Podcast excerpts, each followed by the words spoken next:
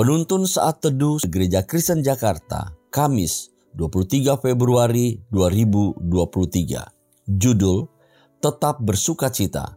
Nats firman Tuhan diambil dari Filipi pasal 4 ayat 4. Bersukacitalah senantiasa dalam Tuhan. Sekali lagi kukatakan bersukacitalah.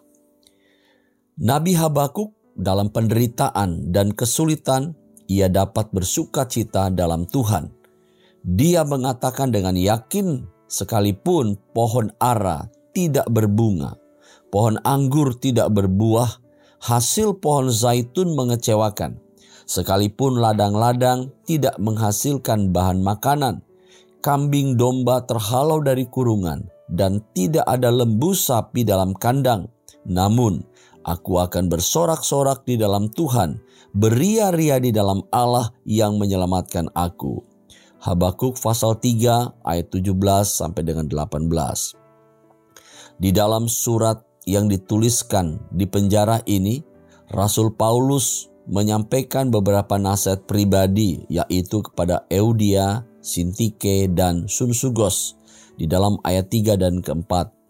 Salah satunya adalah supaya mereka tetap bersuka cita di dalam Tuhan Kata bahasa Yunani untuk senantiasa adalah pantote, yang artinya setiap saat, selalu, terus-menerus, apa pun kondisi dan keadaannya.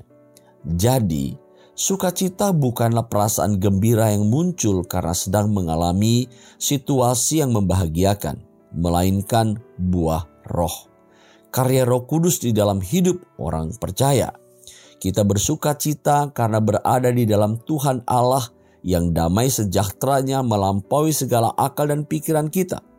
Anjuran Rasul Paulus ialah agar orang-orang percaya dapat mengendalikan diri, jangan terperangkap oleh hawa nafsu duniawi yang mengiring ke dalam dosa. Waspadalah, janganlah biarkan iblis mencuri sukacita dengan perangkap-perangkap dan godaan-godaan yang menjatuhkan kita dalam dosa. Marilah kita tetap bersuka cita di dalam Tuhan, karena itulah yang diperintahkan Rasul Paulus kepada kita. Ada tiga hal yang dapat membuat kita tetap bersuka cita. Pertama, tetap tinggal di dalam Yesus. Hanya di dalam relasi yang akrab padanya kita akan dikuatkan. Filipi 4 ayat 13. Yang kedua, bersyukur senantiasa. Dengan hidup bersyukur, kita akan dapat menerima semua keadaan dengan sukacita. 1 Tesalonika pasal 5 ayat 18.